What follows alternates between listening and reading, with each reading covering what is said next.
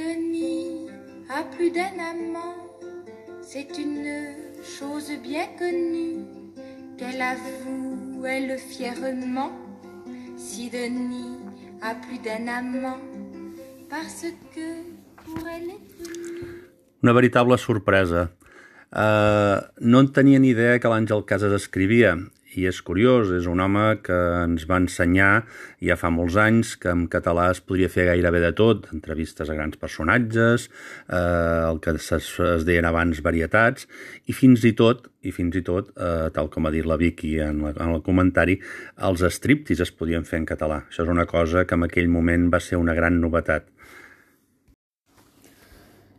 I tal com deia, eh, la sorpresa ha estat molt favorable, és a dir, desconeixia la faceta de l'Àngel Casas com a escriptor i m'ha agradat, m'ha agradat eh, per l'estrany, és a dir, en certa manera mm, m'ha semblat estrany trobar una novel·la on, a més a més, eh, eh, m'he sentit identificat en molts aspectes, eh, tot i que la meva vida no va transcórrer doncs, a Sants.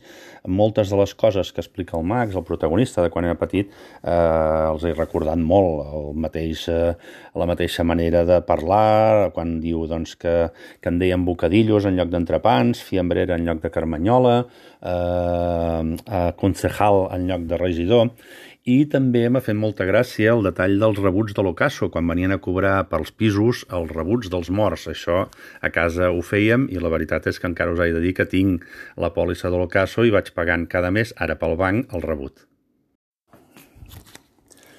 Alguna altra de les coses que m'ha portat molts records és eh, l'escena quan a les esglésies es feien anar, ell diu els xerracs, eh, nosaltres en dèiem carraus, ho fèiem anar en el moment, amb les misses de Setmana Santa i allò dèiem que era per matar jueus.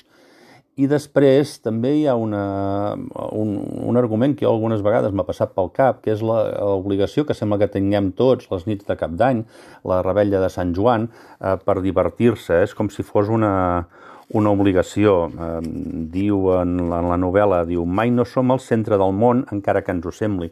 Evidentment, el que passa és que de vegades eh, les trajectòries d'uns i altres eh, conflueixen en molts punts i tot i que hi hagi una diferència, jo sóc del 59, ell pel que m'ho dit és del 46, clar, moltes de les vivències doncs, eh, he, he trobat que eren comuns fins i tot els pensaments.